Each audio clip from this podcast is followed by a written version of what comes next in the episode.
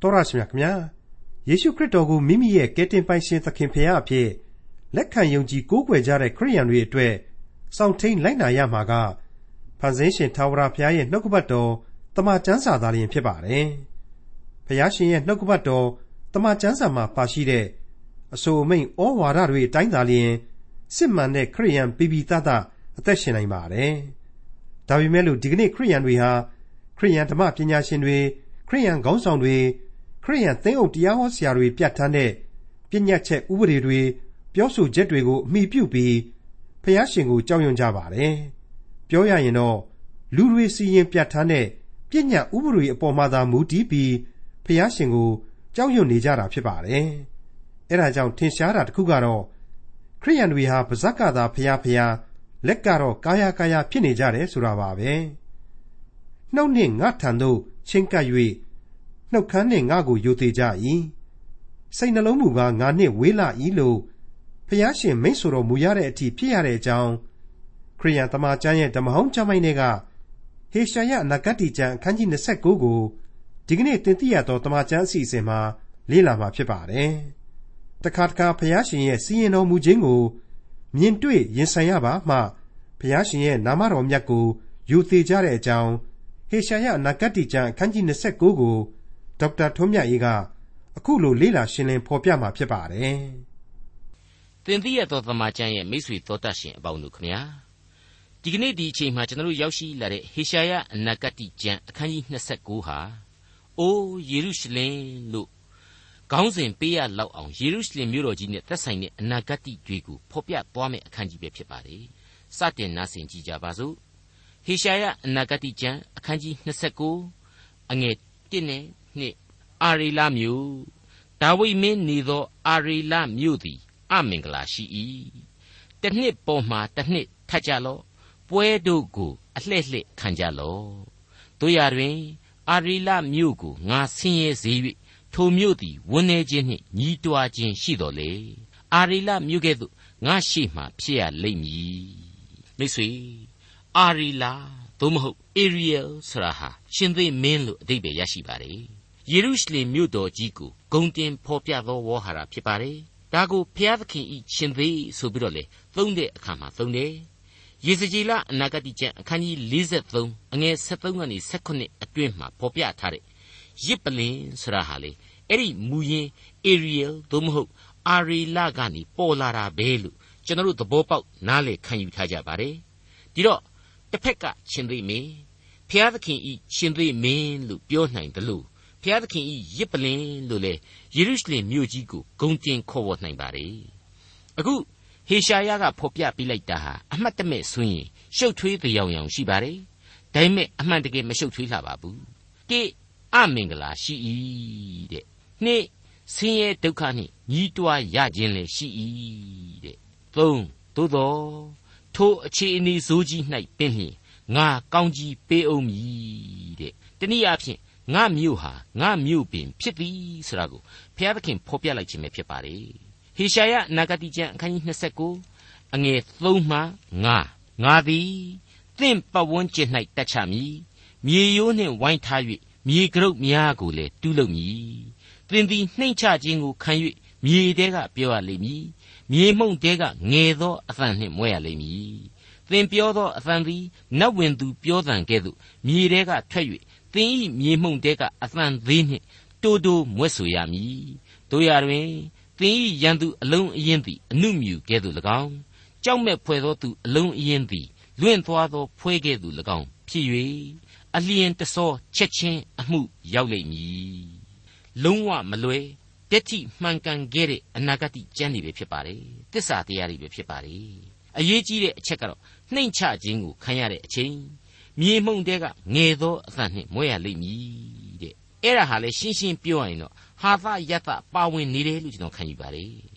ပြီးတော့မိษွေတို့ကျွန်တော်တို့ရဲ့လူဘဝပုံစွာကိုကောင်းကောင်းကြီးဖော်ပြလိုက်တာ ਨੇ အတူတူပါပဲဟုတ်ပါတယ်မြေမှုန့်ဆိုတာဟာကျွန်တော်တို့ရဲ့အနတ္တလောကဖြစ်ပါတယ်အဲ့ဒီအနတ္တလောကနဲ့လောကရန်ဆိုတာဟာဆက်ဆက်နေပါတယ်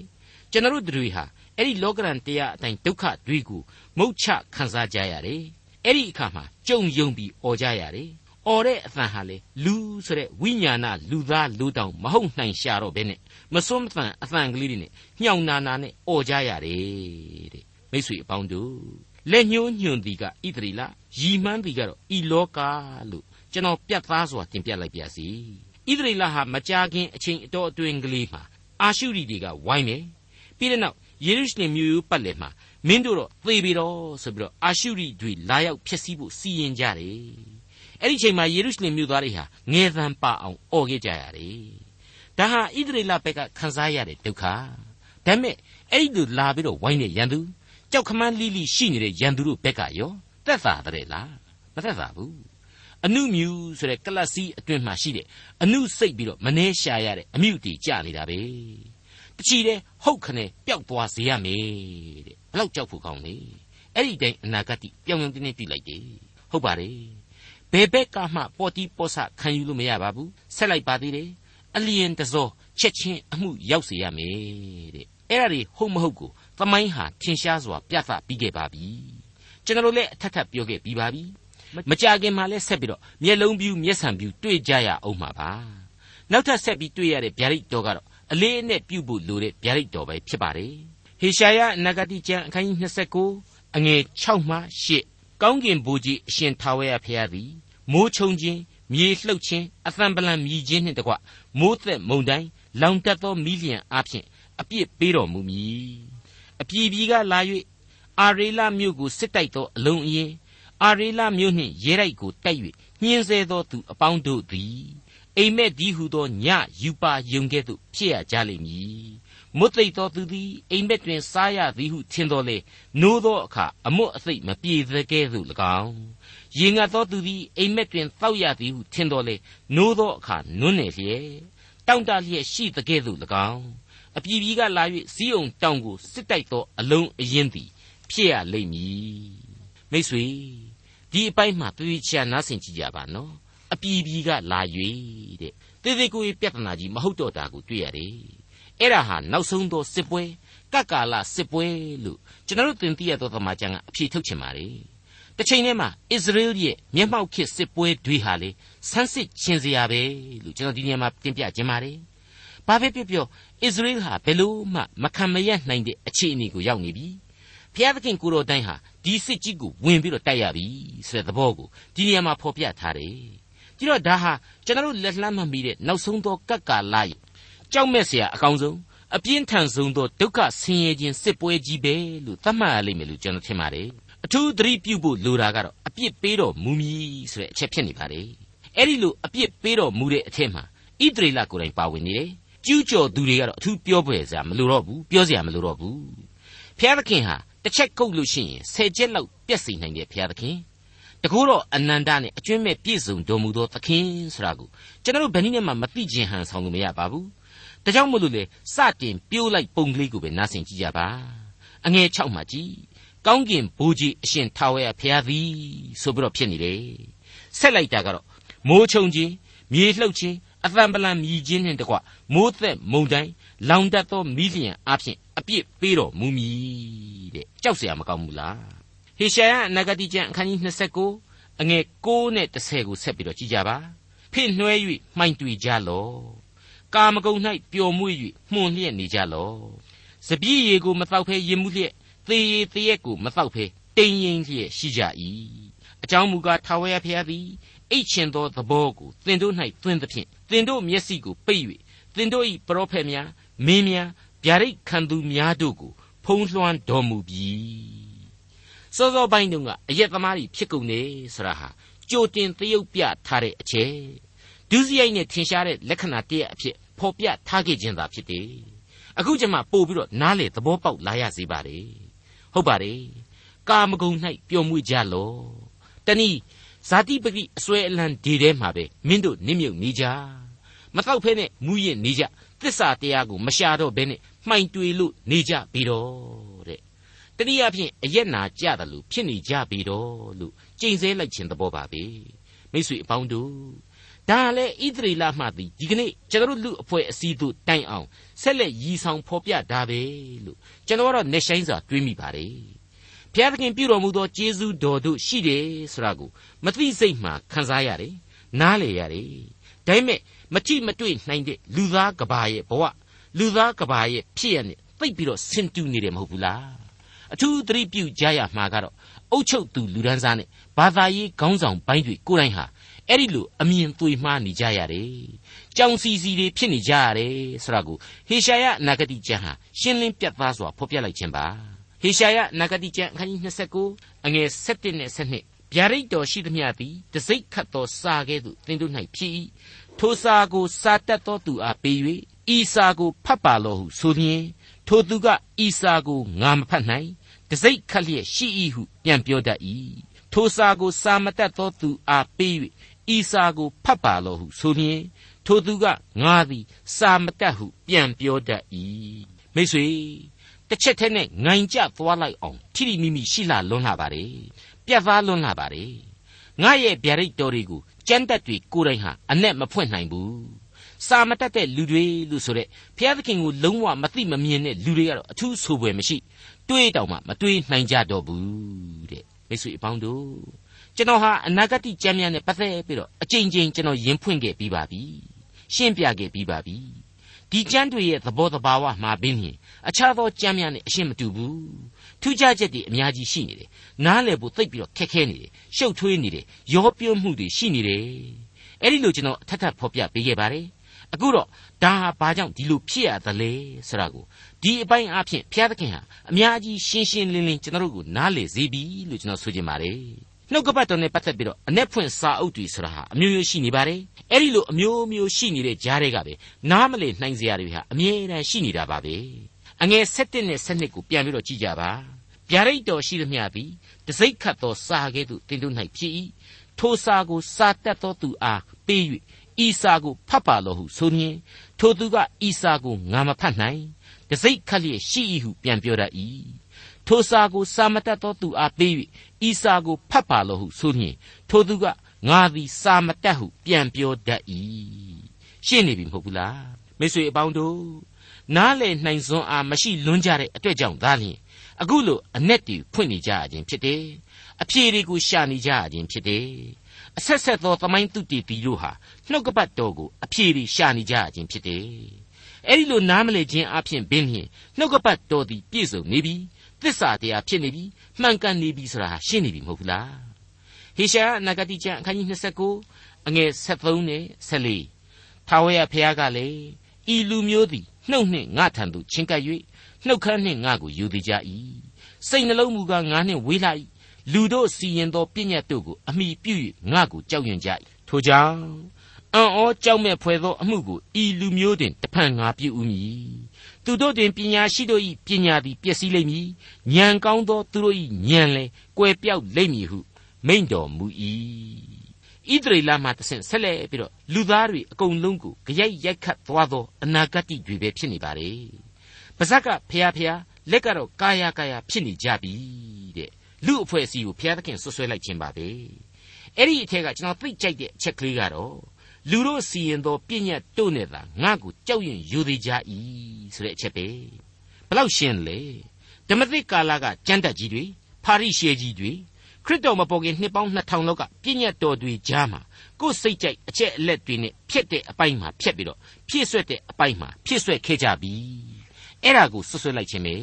ဘုရားသခင်ကိုယုံကြည်ကိုးကွယ်ခြင်းဆရာဟာကို့အယူအဆကို့အတွေးအခေါ်တွေနဲ့သာများကုန်ကြပြီဘုရားသခင်ကိုယုံကြည်ကိုးကွယ်တဲ့နေရာမှာအစာသစ်တာတွေများကုန်ပြီဆိုတာကိုကျွန်တော်တို့ဒီအပိုင်းမှာနားလည်သဘောပေါက်လာရတယ်ဟုတ်ပါတယ်အခုဒီကမ္ဘာလောကကြီးမှာလေလူအဖွဲ့အစည်းတစ်ခုလုံးဟာဒီအတိုင်းပဲဘုရားသခင်ကိုဖျားဖြစ်ခြင်းဆိုတဲ့အသည့်တရားနဲ့ယုံကြည်ကိုးကွယ်ခြင်းသဘောမျိုးအလွန်ညော့နေလာပါတယ် ကို့အတွေ့အခေါ်ကို့အပိဓမာတွေနဲ့သာလျှင်ကိုးကွယ်ကြတယ်အစဉ်အလာမှာကတော့အဲ့ဒီလိုပဲကိုးကွယ်ကြတာပဲလေဆိုပြီးတော့မျက်စိစုံမိတ်ကိုးကွယ်ကြတယ်အဲ့ဒီမှာလေဘုရားသခင်ရဲ့အမျက်တော်ဟာသင့်ရောက်ပြီဆိုတာကိုကျွန်တော်တို့ကိုဟေရှာယအနာဂတ်ကျမ်းဟာအခုအချိန်မှာသတိပေးနေပြီအံ့ဩကြောက်မဲ့ဖွယ်သောအမှုကိုဤလူမျိုးတွင်ငါပြုဦးမည်တဲ့မရှင်းဘူးလားဟုတ်ပါတယ်ဖင့်နှွဲ၍မှိုင်တွေကြရတယ် မသောက်ဖဲနဲ့မူးရမယ်မျက်စိကိုအပိတ်ခံရမယ်နှလုံးခံရမယ်နှလုံးခိုင်မာရမယ်အဲ့ဒီအချက်တွေဟာအကုန်လုံးအံ့ဩဖွယ်သောစီရင်ချက်တွေဖြစ်နေပါလေဒါတွေကိုတချို့ကဘုရားသခင်တမင်လုပ်တာဘုရားသခင်ကညစ်တာဆိုပြီးတော့တွေးကြတော့ကြတယ်စိတ်စိတ်စဉ်းစားလိုက်တိုင်းအဖြေပေါ်နေပါတယ်လူစားတိပဂရိအပြစ်ဒုစရိုက်တို့အဖြစ်ကိုရှုကိုပတ်နေတာငကိုရှိလို့ငကိုင်းထွက်နေတာသာလျှင်အမှန်ဖြစ်တဲ့အကြောင်းတင်ပြလိုက်ပါစီဟေရှာယနဂတိကျမ်းအခန်းကြီး29 အငယ်15နဲ့16ထာဝရဘုရားမသိစေခြင်းဟာနည်းနည်းသောအကြံကိုကြံ၍မှောင်မိုက်ထဲမှအမှုကိုပြုလျက်ငါတို့ကိုအဘယ်သူမြင်သနည်းငါတို့ကိုအဘယ်သူသိသနည်းဟုပြောဆိုတတ်သောသူတို့သည်အမင်္ဂလာရှိကြ၏သင်တို့သည်ဖောက်ပြန်ကြသည်တကားအိုးသိန်းသမားကိုအိုးမြေကဲ့သို့မှတ်ရမည်လောလှုပ်အပ်သောအရာသည်လှုပ်တတ်သောသူကိုရည်မှတ်၍ဤသူသည်ငါကိုမလှုပ်ဟုဆိုရမည်လော ဖန်ဆင်းအပ်သောအရာသည်ဖန်ဆင်းတတ်သောသူကိုရည်မှတ်၍ဤသူ၌ပညာအတတ်မရှိရဟုမရှိဟုဆိုရမည်လောအင်မတန်တုန်လှုပ်ခြင်းစရာကောင်းလာတဲ့အချက်တွေပါပဲဖန်ဆင်းတော်မူသောအဖဖျားသခင်နဲ့ကိုဆိုတဲ့လူသားရဲ့အဆမတန်ကွာခြားချက်ကိုဒီအပိုင်းမှာမိမောင်းထိုးဖော်ပြလိုက်ပြီနောက်တစ်ခုဖော်ပြလိုက်တာကတော့လူသားရဲ့အုံနောက်အဆင့်အတန်းဟာလေကျေးဇူးတော်ကြောင့်သာအရေးအချင်းရှိတယ် ဒါမဲ့ဒီအရေးအချင်းဟာဘုရားသခင်မပါဝင်တဲ့အခါမှာတော့နည်းနည်းသောအကြံအစီနဲ့မှောင်မိုက်ထဲမှာပြုခြင်းအမှုများသာလျှင်ဖြစ်သွားရတယ်နှိမ်ပါသွားရတယ်ဆိုတာကိုရှင်းလင်းပြသစွာဖော်ပြလိုက်ခြင်းဖြစ်ပါတယ်မိတ်ဆွေဒီကနေ့သိပ္ပံအတတ်ပညာတို့ပောက်ကွဲထွန်းကားနေတဲ့ခေတ်မှာဒီအတိုင်းဖြစ်နေပြီလို့ကျွန်တော်အဆိုပြုခြင်းပါတယ်ညင်းနိုင်ရင်ညင်းကြပါတော့အကြီးအကျယ်တိုးတက်တာမှန်တယ်ဒါမဲ့ဘုရားသခင်ကိုခိုလှုံခြင်းဘက်မှာတော့အားပြတ်နေတယ် ရုပ်လောကတိုးတက်မှုတွေနဲ့အတူဝိညာဉ်ရေးတိုးတက်မှုတို့ပါဝင်မလာကြဘူးစိတ်မှန်းပေါက်ရင်ထိတ်တန်းကိုရောက်မြဲပဲဆိုတဲ့မာနသမားတွေနဲ့ကြည့်ဒီကဘာကြီးဟာပြည့်နှက်လာနေပါလေအဲ့ဒီမှာရင်ကိုယ့်ကိုဖန်ဆင်းပြုပြင်ကောင်းကြီးပေးထားတဲ့ဘုရားသခင်ကိုကိုနဲ့ဒန်းတူအဆင့်လောက်မှာသွားပြီးတော့ထားတယ်ဟုတ်တယ်အိုးဒိန်ဖြစ်တဲ့ဘုရားကိုအိုးမြေကဲ့သို့မှတ်တယ်တဲ့မရှင်းဘူးလားအဲ့ဒါဟာမယိုသေးတာကြီးပဲမဟုတ်ပါဘူးနော်ဘုရားသခင်ကိုတော်ဤရောဤကိုးကွယ်ခြင်း ကြောက်ရွံ့ယူသေးခြင်းအရှင်းမရှိခြင်းအခြားအရာတွေတဲ့ဥစားမပေးခြင်းများဟာအကုန်လုံးအကျုံးဝင်နေပါလေတနည်းအားဖြင့်ဆိုရရင်ကတော့ဖះဆိုတာဟာကိုကပုံသွင်းလို့ရတယ်ကိုစိတ်ကြိုက်ကိုအဘိဓမ္မာနဲ့ဖះကိုကိုးကွယ်လို့ရတယ်ဆိုတဲ့သဘောပဲဆက်ပြီးတော့ဖော်ပြတာကတော့ဖန်ဆင်းအပ်သောအရာဖြစ်တဲ့ကိုဟာကိုကိုဖန်ဆင်းနိုင်စွမ်းရှိသူကိုဤသူ၌ပညာအတတ်မရှိဆိုပြီးတော့တွားပြီးတော့မြင်တယ်ကြောက်ခမန်းလိလိဖြစ်ကုန်ပြီ အဲ့ဒါကိုပဲကျမ်းစာဖော်ပြလိုက်တာနောက်တနည်းအားဖြင့်ကတော့လှုပ်အပ်သောအရာသည်လှုပ်တတ်သောသူကိုရည်မှတ်၍ဤသူသည်ငါ့ကိုမလှုပ်ရတဲ့ရင်းနှင်းစရာတွေအကုန်ဖြစ်ကုန်ပြီအရေးနေနေအခက်ချိုးချိုးဆိုတဲ့အဆင့်တက်မကဖျားသခင်ကိုတောင်းမှဘောင်ကန့်သက်ပြစ်လိုက်တဲ့သဘောသူ့ကိုတနင်္ဂနွေနေ့မှာတနာကြီးလောက်ပဲဖះเจ้าမှာသွားပြီးတော့ချီးမွမ်းလိုက်တာတောင်းမှလွန်နေပြီ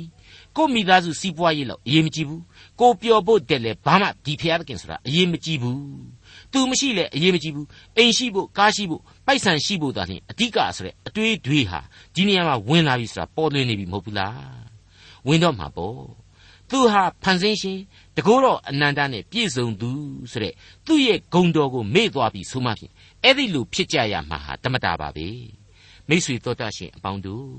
အခုလိုပရောဖက်ကြီးဟေရှာယမှတဆင့်ဣသရေလလူအဖွဲ့အစည်း ဣသရေလလူအဖွဲ့အစည်းမှတဆင့်ကဘာတစ်ခုမိသားစုတို့တိုင်အောင်ဆင်ကဲဖော်ပြနေတဲ့အချက်တွေးဟာအချိန်ကာလဘောင်အကန့်အသတ်မရှိပါဘူးဟေရှာယရဲ့အချိန်မှသည်ဒီကနေ့ကျွန်တော်တို့ပြစ္ဆုတ်ပံကာလအထိအကျုံးဝင်နေပါလေအဲ့ဒီနေတွေနဲ့ပဲကမ္ဘာလောကကြီးဟာပြတ်သုံးရမယ်ဆိုတာကိုရည်စူးဖော်ပြနေတယ်လို့ကျွန်တော်အလေးနဲ့ဒီအပိုင်းမှာခံယူမိပါတယ်။သမိုင်းရဲ့အတိတ်ကသက်သေတွေဒီကနေ့ဒီချိန်မှာဖြစ်ပေါ်နေတဲ့လက်တွေ့ကြကြသက်သေသာရကအပေါင်းတို့ဟာ ဒီအချက်တွေရဲ့ပြည့်စုံခြင်းများကိုအထက်ထပ်ဖော်ကျူးဖော်ပြနေတယ်လို့ကျွန်တော်ခံယူမိပါတယ်။အဲ့ဒီလောက်များပြားတဲ့သက်သေတွေဘလောက်ပဲဝိုင်းဝိုင်းလဲနေစီကမူနားလေနှိုင်စွန်းကြပြန်တော့လည်းမရှိပြန်ဘူး။ဒီအကြောင်းကိုအထက်ကကျွန်တော်တို့ကြားခဲ့ကြပြီးပါပြီ။အငယ်6ကနေ7ကိုပြန်ပြီးတော့နားဆင်ကြည့်ကြပါဖင့်နှွဲ၍မှိုင်တွေ့ကြလော့ကာမကုံ၌ပျော်မွေ့၍မှုန်လျက်နေကြလော့စပြည့်ရီကိုမတော့ဖဲရင်မှုလျက်သေရည်တရက်ကိုမတော့ဖဲတင်းရင်လျက်ရှိကြ၏ အကြောင်းမူကားထာဝရဘုရားသည်အိတ်ချင်သောသဘောကိုသင်တို့၌သွင်းသဖြင့်သင်တို့မျက်စိကိုပိတ်၍သင်တို့၏ပရောဖက်များမင်းများဗျာဒိတ်ခံသူများတို့ကိုဖုံးလွှမ်းတော်မူပြီးဗျာဒိတ်တော်ရှိသမျှသည်တစိ့ခတ်သောစာကဲ့သို့သင်တို့၌ဖြစ်၏ထိုစာကိုစားတတ်သောသူအားပေး၍ဤစာကိုဖတ်ပါလောဟုဆိုလျင်ထိုသူကဤစာကိုငါမဖတ်နိုင်တစိ့ခတ်လျက်ရှိ၏ဟုပြန်ပြောတတ်၏ ထိုစာကိုစာမတတ်သောသူအားပေး၍ဤစာကိုဖတ်ပါလောဟုဆိုလျင်ထိုသူကငါသည်စာမတတ်ဟု ပြန်ပြောတတ်၏ကဲရှင်းနေအောင်တွေ့ရတဲ့အချက်ပဲကျွန်တော်ရဲ့လူဘဝဟာဘုရားသခင်၌နာနာစိကတ်နိုင်မှသာတန်ယုံကြတယ်ဆိုတာကိုဘုရားသခင်ဟာဟေရှာယနဂတိကျမ်းမှအစဉ်စိုက်သတိပေးနေပါတယ်ကျွန်တော်အထူးအာယူကြပါစို့ဝိညာဉ်ခွန်အားကိုတောင်းခံကြပါစို့ဖျားသခင်ကိုစိတ်ကကူးွယ်ကြပါစို့မိတ်ဆွေ အခုနှုတ်ကပတ်တော်ရဲ့ဖော်ပြချက်အရာဆိုရင်ဘသူမပြုတ်မိမိမှုတွေအပြစ်လူပောင်ရဲ့အစီရင်ခံရခြင်းတွေသာလျှင်ကျွန်တော်လူသားဟာခံစားရခြင်းဖြစ်တယ်။ဘုရားသခင်ဟာတမင်လုံနေတာတွေမဟုတ်ဘူးလို့ဒီအပိုင်းမှာရှင်းရှင်းကြီးပေါ်လွင်နေပြီလို့ကျွန်တော်ထင်ပါတယ်။အခုချိန်မှာတော့သူ့ရဲ့ရွေးကောက်တော်မူသောလူမျိုးတော်ဓမ္မသမိုင်းဝင်စင်မြင့်ဘော်ကလူမျိုးတော်ဣတရီလအားဖြင့်သူ့ကိုလူသားတွေဟာကိုးကွယ်လာကြရမယ်ဆိုတာကိုဆက်လက်ဖော်ပြတဲ့အပိုင်းဟာဒီအပိုင်းမှာပေါ်လွင်လာပါပြီ ဟေရှာယနဂတိကျမ်းအခန်းကြီး29အငယ်16မှ19ကိုဆက်လက်နားဆင်ကြည့်ကြပါလေဗနုန်တောင်သည်ဝပြောသောလေပြင်းကဲ့သို့၎င်းဝပြောသောလေပြင်းသည်တောကဲ့သို့၎င်းဖြစ်ရသောအချိန်နီးပြီမဟုတ်လောထိုကာလ၌နားပင်သောသူတို့သည်ကြမ်းစကားကိုကြားကြလိမ့်မည်မျက်စိကန်းသောသူတို့သည်မှေးရှက်ခြင်းမှောင်မိုက်ခြင်းနှင့်ကင်းလွတ်၍မြင်ကြလိမ့်မည်စိတ်နှိမ်ချသောသူတို့သည်ထာဝရဘုရားကိုအမိပြု၍ဝမ်းမြောက်ခြင်းတိုးပွားကြလိမ့်မည် လူတို့တွင်ဆင်းရဲသောသူတို့သည်ဣသရေလအမျိုး၏တန်ရှင်းသောဘုရားကိုအမိပြု၍ရှင်လန်းကြလိမ့်မည်အမှန်မျက်စိကန်းနေတာကိုဆိုလိုခြင်းမဟုတ်ပါဘူးအမှန်ကုန်းကောက်เสียမရှိအောင်ဆင်းရဲခြင်းကိုလည်းပြောတာမဟုတ်ပါဘူးဝိညာဉ်ရေးအရာအလင်းမရသူရုပ်ဝါဒသမားတွေကြားမှာအပယ်ခံရသူတွေကိုတင်စားဖော်ပြလိုက်ခြင်းလို့ကျွန်တော်အတိတ်ပဲပြန်ပြရစီဟုတ်ပါတယ်နောက်ဆုံးသောတရားစီရင်ခြင်းနဲ့နိုင်ငံတော်တည်ထောင်ခြင်းအချိန်ကာလမှာ ကျွန်တော်အတိအကျပုံဖော်မပေးနိုင်တဲ့မဟာကျေးဇူးတော်ခံစားရကာလဟာမုတ်ချမသွေရောက်ရှိလာကြအောင်မှာဖြစ်ပါတယ်လာရအောင်မှာဖြစ်ပါတယ်ဖျားသခင်ရဲ့ကျေးဇူးတော်ကိုချီးမွမ်းရင်းနဲ့ဒီအချိန်ကာလကိုကပ်ကာလလူသားတွေဟာစောင့်မျှော်သွားကြမှာဖြစ်ပါတယ်ဟေရှာယနဂတိကျမ်းအခန်းကြီး29အငယ်20နဲ့21အကြောင်းမူကားကြောက်မဲ့ဖွယ်သောသူသည်ဆုံးရှုံးရ၏ဆဲရည်သောသူသည်ပျောက်ကုန်ရ၏သူအပြစ်ကိုချောင်းမြောင်းသောသူ တရားတွေ့၍ဆင်းရဲသားကိုအပြစ်ရောက်စေသောသူမြို့တကားဝမှအမှုသေးကိုကြော့မိစေခြင်းဟာပြုသောသူအပြစ်မရှိသောသူကိုမတရားသဖြင့်ရှုံးစေသောသူအပေါင်းတို့ကိုသုတ်သင်ပယ်ရှင်းရ၏မိတ်ဆွေစောစောပိုင်းတုန်းကတရားမျှတသူအကြောင်းကိုကျွန်တော်တို့ဖော်ပြခဲ့ပါတယ်အခုမတရားသောသူတို့၏အကြောင်းတဲ့အခုမတရားသောသူတို့၏အကြောင်းကိုဖော်ပြပြီကျွန်တော်ရဲ့ခံယူချက်အရာအင်မတန်ရိုးစင်းရှင်းလင်းသောအနာဂတ်ဖြစ်နေပါတယ် အချိန်ကာလသတ်မှတ်ချက်ကြီးလည်းရှိတယ်လို့ကျွန်တော်မခံယူပါဘူးဟေရှာယရဲ့အရင်နှစ်ပေါင်းများစွာဒါဝိဒ်မင်းကြီးရဲ့ဆာလံတီချင်းမှာကြတဲ့ဒီအပိုင်းတွေဟာပါခဲ့ပြီမဟုတ်ဘူးလားဒီအတိုင်းပဲမင်္ဂလာမရှိသောသူမင်္ဂလာရှိသောသူတို့၏အကြောင်းကိုဖော်ပြခဲ့ပြီမဟုတ်ဘူးလားတရားသောသူမတရားသောသူတို့၏အကြောင်းကိုနှိုင်းရှင်ချက်အဖြစ်ပြက်ပြက်သားသားဖော်ပြခဲ့ပြီမဟုတ်ဘူးလားဆာလံတီချင်းအမှတ်စဉ်တစ်မှာကြည်ပါ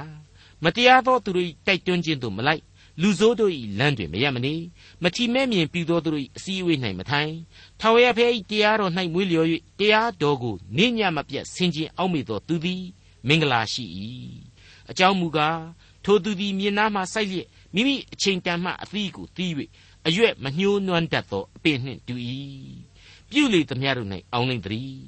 မတရားသောသူတို့မူကားထိုကဲ့သို့မဟုတ်လေတိုက်၍လွင့်သောဖွဲနှင့်တူကြ၏ထိုကြောင့် တရားဆုံးဖြတ်တော်မူရာကာလ၌မတရားသောသူတို့သည်မတိမနေရကြဖြောက်မတ်သောသူတို့၏အပေါင်းအသင်းတည်းသို့လူဆိုးတို့သည်မဝင်ရကြအကြောင်းမူကားဖြောက်မတ်သောသူတို့၏လမ်းကိုထာဝရဘုရားသိကျွမ်းတော်မူ၏မတရားသောသူတို့၏လမ်းသည်ဆုံးရှုံးခြင်းသို့ရောက်ရလိမ့်သတည်းတဲ့မိတ်ဆွေအဲ့ဒါဟာတစ္ဆာတရားပဲယုံကြည်သူခရိယံများအာကုံဆောင်ထားကြတဲ့မင်္ဂလာရှိသောသူနဲ့မတရားသောသူတို့ရဲ့အပြိုင်တွေ့ရသောဖြစ်စဉ်များပါပဲ ဟေရှာယကတော့အခုလိုဆိုလိုက်ပါတယ်စိတ်နှိမ်ချသောသူတို့သည်ထာဝရဘုရားကိုအမိပြု၍ဝမ်းမြောက်ခြင်းတိုးပွားကြလိမ့်မည်လူတို့တွင်ဆင်းရဲသောသူတို့သည်ဣသရေလအမျိုး၏တန်ရှင်းသောဖျားကိုအမိပြု၍ရှင်လန်းကြလိမ့်မည်အကြောင်းမူကားကြောက်မဲ့ဖွယ်သောသူသည်ဆုံးရှုံးရ၏ဆဲရည်သောသူသည်ပျောက်ကုန်ရ၏သူ့အပြစ်ကိုချောင်းမြောင်းသောသူတရားတွေ့၍ဆင်းရဲသားကိုအပြစ်ရောက်စေသောသူမြို့တကားဝမှအမှုသည်ကိုကြော့မိစေခြင်းဟာပြုသောသူ အပြစ်မရှိသောသူကိုမတရားသဖြင့်ရှုံးစေသောသူအပေါင်းတို့ကိုတုတ်တင်ပယ်ရှင်းရ၏တဲ့မိတ်ဆွေအပေါင်းတို့ဟေရှာယအနာဂတိကျမ်းအခန်းကြီး29အငယ်22မှ24ကိုဖတ်ရှုရင်းနဲ့ဒီကနေ့သင်ခန်းစာများကိုညီကုန်းချုပ်ကြပါအောင်စို့တို့ဖြစ်၍အာဗြဟံအမျိုးကိုရွေးနှုတ်တော်မူသောထာဝရဘုရားသည်ယာကုပ်အမျိုးကိုရည်မှတ်၍မိန့်တော်မူသည်ကားယာကုပ်အမျိုးသည် နောက်တဖန်ရှက်ကြောက်ခြင်းမျက်နှာပြက်ခြင်းမရှိရ ထိုအမျိုးသားတို့သည်ငါစီရင်သောအမှုကိုမြင်လျင်ငါနာမကိုမိမိတို့တွင်ယူသည်ကြလိမ့်မည်ယာကုပ်အမျိုး၏တန်ရှင်းသောဖျားကိုယူသည်၍ဣသရေလအမျိုး၏ဖျားသခင်ကိုကြောက်ရွံ့ကြလိမ့်မည်စိတ်တော်ဖောက်ပြန်သောသူတို့သည်ပညာသတိကိုရကြ၍ဆန့်ကျင်ဘက်ပြုသောသူတို့သည်လည်းဆုံးမဩဝါဒစကားကိုနာယူကြလိမ့်မည်ဒေါက်တာထွန်းမြတ်၏စီစဉ်တင်ဆက်တဲ့တင်ပြရတော်တမချန်းအစီအစဉ်ဖြစ်ပါတယ် နောက်တစ်ချိန်အစီအစဉ်မှာခရိယံတမချန်းရဲ့ဓမ္မဟောင်းကျမ်းပိုင်းတွေကဟေရှာယနဂတိကျမ်းအခန်းကြီး30အခန်းကြီး31နဲ့အခန်းကြီး32တို့ကိုလေ့လာမှဖြစ်တဲ့အတွက်စောင့်မျှော်နားဆင်နိုင်ပါတယ်။